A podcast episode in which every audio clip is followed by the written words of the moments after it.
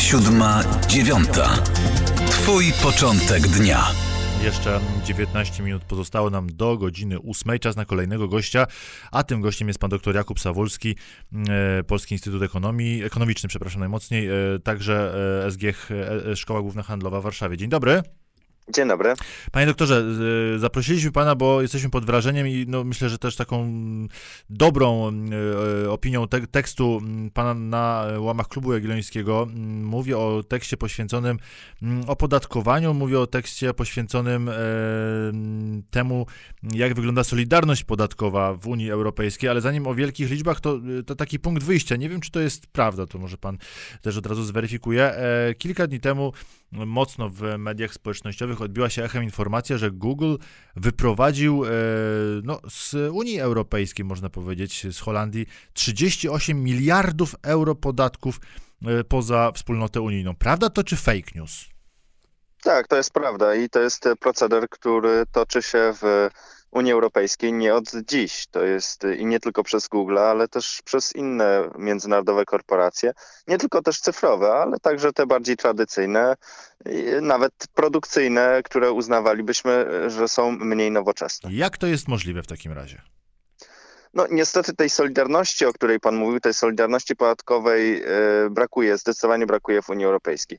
Sprawa wygląda w ten sposób, że międzynarodowe korporacje, które są coraz bardziej globalne, działają na wielu, wielu rynkach, przenoszą, sztucznie przenoszą swoje zyski między różnymi e, krajami. Znaczy generalnie w systemie podatkowym powinno być tak, zyski podatkujesz w tym kraju, w którym te zyski są tworzone. Natomiast e, są kraje, które w sztuczny sposób przyciągają do siebie zyski i, i, i, zyski międzynarodowych korporacji. To jest między innymi wspomniana Holandia właśnie, ale w Unii Europejskiej jest to też Irlandia, są to też małe kraje jak Cypr, Luksemburg i Malta te kraje e, zachęcają e, międzynarodowe korporacje do tego, żeby sztucznie przenosić do nich zyski. No coś tam dla siebie uszczkną, a następnie międzynarodowe korporacje transferują te zyski dalej do tradycyjnych już takich rajów podatkowych, które znamy jak Bermudy, Kajmany, Wyspy Dziewicze. A może to po prostu, jak to się ładnie przyjęło mówić e, języku korporacji, to jest optymalizacja kosztów. No, z punktu widzenia międzynarodowych korporacji to jest optymalizacja kosztów, oczywiście, natomiast my wszyscy na tym tracimy. To znaczy dane pokazują, że e, opodatkowanie, efektywne opodatkowanie e, globalnych korporacji na świecie spada i to spada znacząco. Natomiast e, to trzeba czymś kompensować. W związku z tym rośnie opodatkowanie konsumpcji i rośnie opodatkowanie dochodów zwykłych obywateli. No to moje pytanie jest takie, jakby są dwie, nie wiem czy dwie, ale powiedzmy dwie, dwie skrajne szkoły y, podejścia do tego problemu. Pierwsze mówi o tym, byśmy spróbowali opodatkować mm, wspomniane korporacje na poziomie unijnym, tak by nie było y, Holandii, Irlandii czy Cypru, które otwierają takie furtki dla, dla powiedzmy dla Google'a i innych, innych korporacji, a druga szkoła mówi, to stwórzmy sobie taki mały raj podatkowy w Polsce i zachęcajmy takiego e, pana menedżera z jednej czy drugiej korporacji, by nie uciekał do Holandii z tymi pieniędzmi, ale by przyjechał nad Wisłę. No to zacznijmy od tego drugiego podejścia. Mhm. No o, oczywiście, to znaczy wszystkie państwa mogą myśleć w ten sposób i trochę tak jest, że wszystkie państwa myślą w ten sposób, dlatego że jak spojrzymy na dane za ostatnie w szczególności 20 lat, to to efektywne opodatkowanie korporacji cały czas spada. Dla, spada między innymi dlatego, że państwa właśnie konkurują ze sobą podatkowo. To znaczy każde państwo myśli właśnie w ten sposób.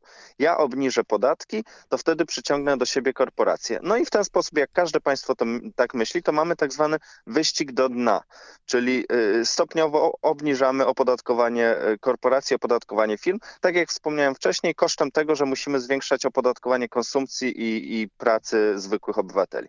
Więc zdecydowanie lepsze jest to pierwsze rozwiązanie, o którym Pan wspomniał. Rzeczywiście w warunkach, w których firmy są coraz bardziej globalne, to nie ma chyba innego wyjścia, jak te globalne firmy opodatkować, prowadzić jednolite zasady, przynajmniej na poziomie Unii Europejskiej. Czy jest na to szansa, mówiąc wprost? Czy na poziomie Brukseli myśli się o tym? I od razu dopytam, o jakich pieniądzach mówimy, bo czy te firmy wyprowadzają 5% swoich zysków, 10, 20%? No, na poziomie całego świata 40% zysków międzynarodowych korporacji jest transferowane do rajów podatkowych. Prawie połowa zysków globalnych firm. Także to są e, ogromne kwoty. E, Polska traci 3 do 4 miliardów złotych rocznie z tytułu tego procederu, czyli moglibyśmy mieć rocznie około 100 kilometrów e, dróg ekspresowych i autostrad więcej, gdyby nie ten problem. E, No to pytanie, czy, czy Bruksela coś z tym e, robi, zrobi, czy po prostu trzeba się szarpać na poziomie e, dogadywań z poszczególnymi stolicami?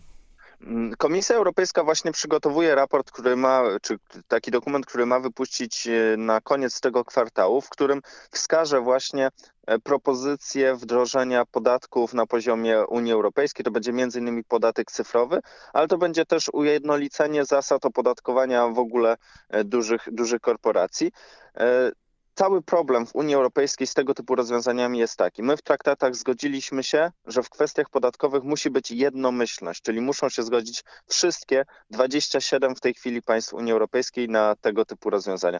Z tym jest oczywiście ogromny problem, bo zawsze znajdzie się przynajmniej jedno państwo, y, które na obecnych rozwiązaniach po prostu korzysta. No właśnie, to chciałem dopytać, czy da się to zrobić, mówię o opodatkowaniu na poziomie krajowym, na przykład, no jeśli już ta nieszczęsna Holandia czy Cypr chcą e, zostać trochę poza, oczywiście są środki miękkiego nacisku, miękkiej presji, znamy to dobrze z negocjacji budżetowych, że jak się chce, to się można, to można wymusić na danej stolicy daną decyzję, ale e, czy są kraje, które próbują e, wprowadzać te podatki na poziomie narodowym?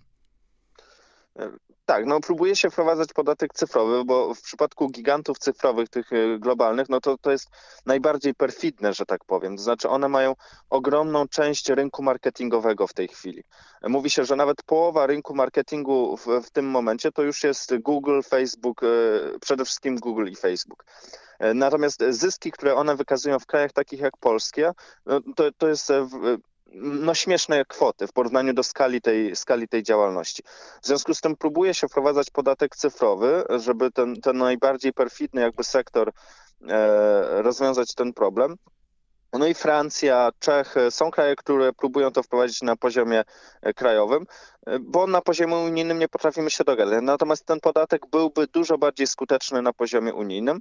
E, natomiast jeżeli nie da się go wprowadzić na poziomie unijnym, to uważam, że także w Polsce powinniśmy w perspektywie dwóch, trzech lat myśleć o wprowadzeniu podatku cyfrowego. Pamiętam, że był taki pomysł, nawet i oni premier Mateusz Morawiecki mówił, później Lewica też zgłosiła swój projekt ustawy, mm, no ale po tym, kiedy to ambasador Stanów Zjednoczonych zmarszczyła czoło i zasugerowała, że to będzie no, niekorzystne dla amerykańskich inwestycji w Polsce, temat upadł.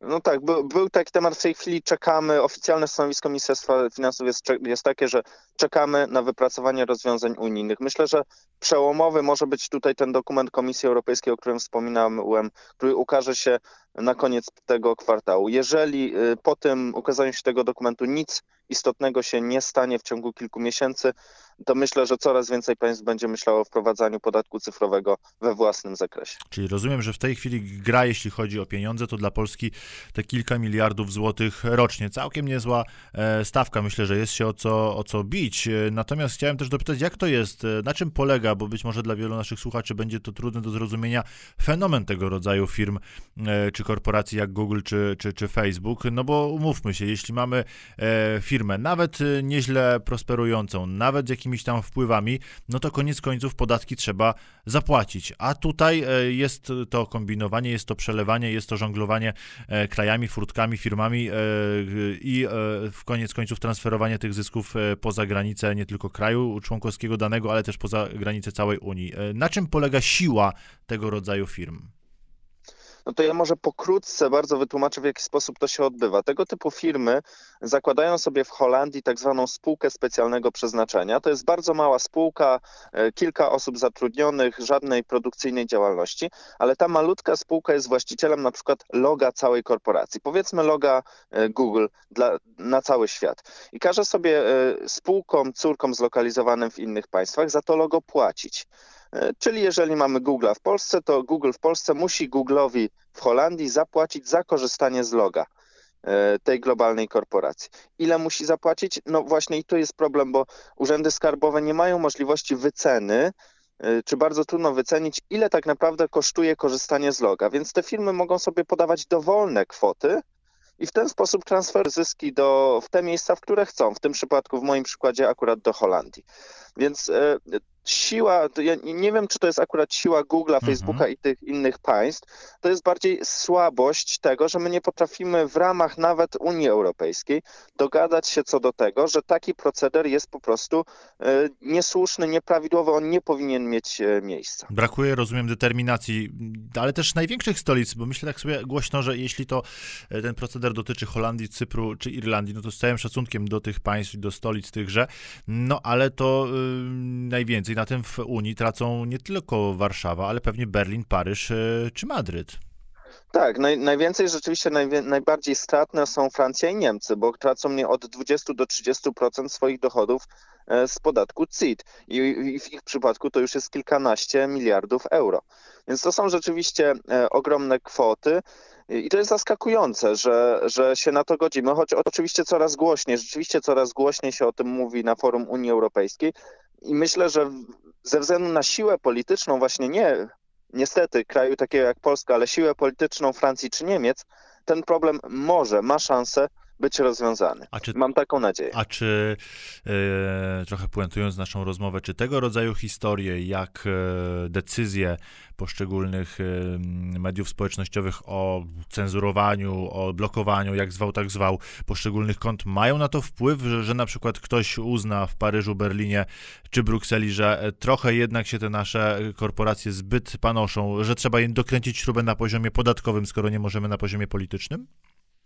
Nie wiem aku, akurat, czy dokręcanie śruby na poziomie podatkowym powinno być instrumentem politycznym. Pewnie czasem jest, natomiast ja uważam, że każda firma powinna po prostu płacić podatki sprawiedliwie. Absolutnie tak, tym bardziej, że jak wykazaliśmy, czy jak wskazał pan, no wszyscy widzą, że ten mecz nie jest do końca rozgrywany uczciwie, że jedna drużyna trochę, trochę ściemnia, mówiąc kolokwialnie, na tym boisku podatkowym i że warto mm, byłoby to uregulować. Trzymamy zatem kciuki, by mm, na poziomie unijnym e, się udało wprowadzić taki podatek, no bo e, na poziomie narodowym będzie chyba o to trudniej, chociaż może warto spróbować. Tak czy inaczej, o meandrach podatkowych, o kulisach e, walki z wyprowadzaniem pieniędzy z mm, nie tylko kraju, ale całej Unii Europejskiej mówił dr Jakub Sawulski, Polski Instytut Ekonomiczny. Dziękuję pięknie, panie doktorze, dobrego dnia życzymy.